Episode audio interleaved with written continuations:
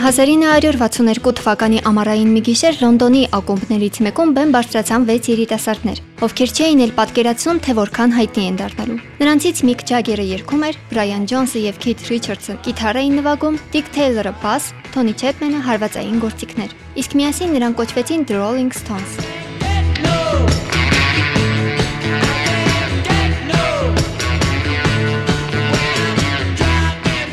Առաջին հաջողված համերգին հաջորդեցին ավելի քան 2000 համերգներ աշխարհի տարբեր ծայրերում։ Որպես բլյուզ խումբ նրանք սկզբում հանդես էին գալիս ակումբներում, իսկ տարիներ անց լցրեցին աշխարհի ամենամեծ մարզադաշտերն ու համերգասրահները։ The Rolling Stones-ը համարվում է ռոքի պատմության ամենաազդեցիկ եւ հաջողակ խմբերից մեկը։ Այն երկար տարիներ մրցակցել է հանրահայտ Beatles-ի հետ, Սկզբնական շրջանում երիտասարդ երաժիշտները կատարում էին ամերիկացի հեղինակների հայտնի երգեր, ինչպես նաև բազմաթիվ փոփ երգեր մշակում էին իրենց տարբերակով, իսկ հետո արդեն թողարկում էին իրենց ստեղծագործությունները։ The Rolling Stones-ը դարձավ պատմության մեջ ամենաերկարակյաց ռոք խումբը, որը մեծ ազդեցություն թողեց ռոք-ն-ռոլի վրա։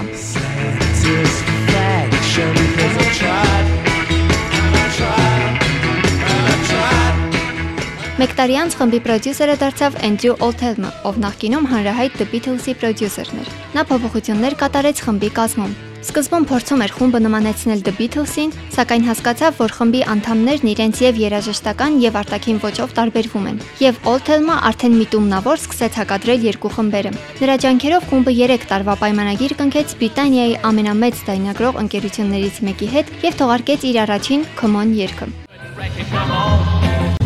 Since me, my baby party, come on. I can't get started, come on. I can't afford to check it. I wish somebody come along and run into it break it. Everything is wrong since I've been without you every night I lay awake. Շատերն ասում էին, որ այս երկու խմբերի մեջ թշնամանք կա, սակայն պետք է նշել, որ խմբի երկրորդ երգը գրվել է The Beatles-ի անդամներ Ջոն Լենոնի եւ Փոլ Մակքարթնիի կողմից։ Այնուհետև սկսվեց ռոք խմբի ակտիվ եւ երանդուն գործունեությունը։ Թողարկվեց դեբյուտային ալբոմը, իսկ 1 ամիս անց այն արդեն գլխավորում էր բրիտանական չարթերը, առաջ անցնելով The Beatles-ից։ Խմբի երրորդ ալբոմում տեղ գտավ Satisfaction երգը, որը դարձավ նրանց այցեքարտը։ Այն համարվում էր 60-ականների երիտասարդության օրհներգը։ Satisfaction ocean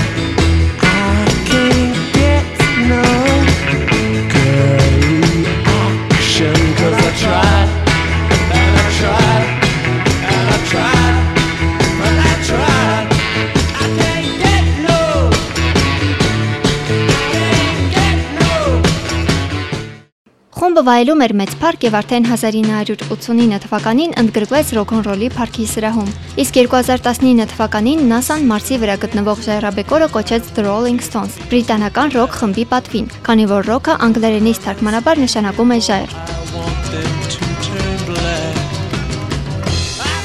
Ընդհանուր առմամբ իր ստեղծագործական կարիերայի ընթացքում խումբը թողարկել է 95 սինգլ, 29 ստուդիական ալբոմ եւ 10 համերգային ալբոմ։ Այն ավելի քան 250 միլիոն ալբոմ է վաճառել ամբողջ աշխարհում։ Այս ցուցանիշով պատմության մեջ խումբը համարվում է ռեկորդակիր։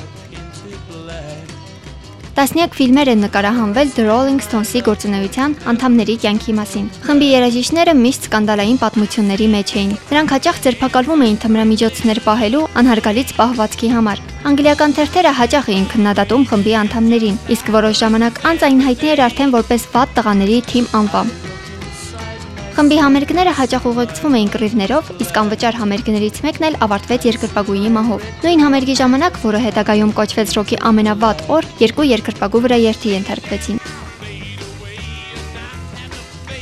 Չնայած այս անախորժություններին, ռոքի ամենաերկարակյաց խումբը իր թանգարանն ունի Գերմանիայում։ Նրանց 6 հիթերը եւ 1 ալբոմ արժանացել են Grammy մրցանակի։ The Rolling Stones-ի երաժիշտների կազմում եղել են փոփոխություններ, սակայն նրանց ոճը երբեք չի փոխվել։ Բլյուզ ավելացրած զգացմունքային երանգներ եւ երաժշտական հնարքներ։ Երևի հենց դա է պատճառը, որ մինչ օրս լեգենդար խումբն ունի երկրպագուների մեծ բանակ, շրջում է ողջ աշխարհով եւ հավաքում միլիոնավոր դիտումներ։ Իսկ նրանց թողարկած հիթերը երբեք չեն կորցնում իրենց արդիականությունը։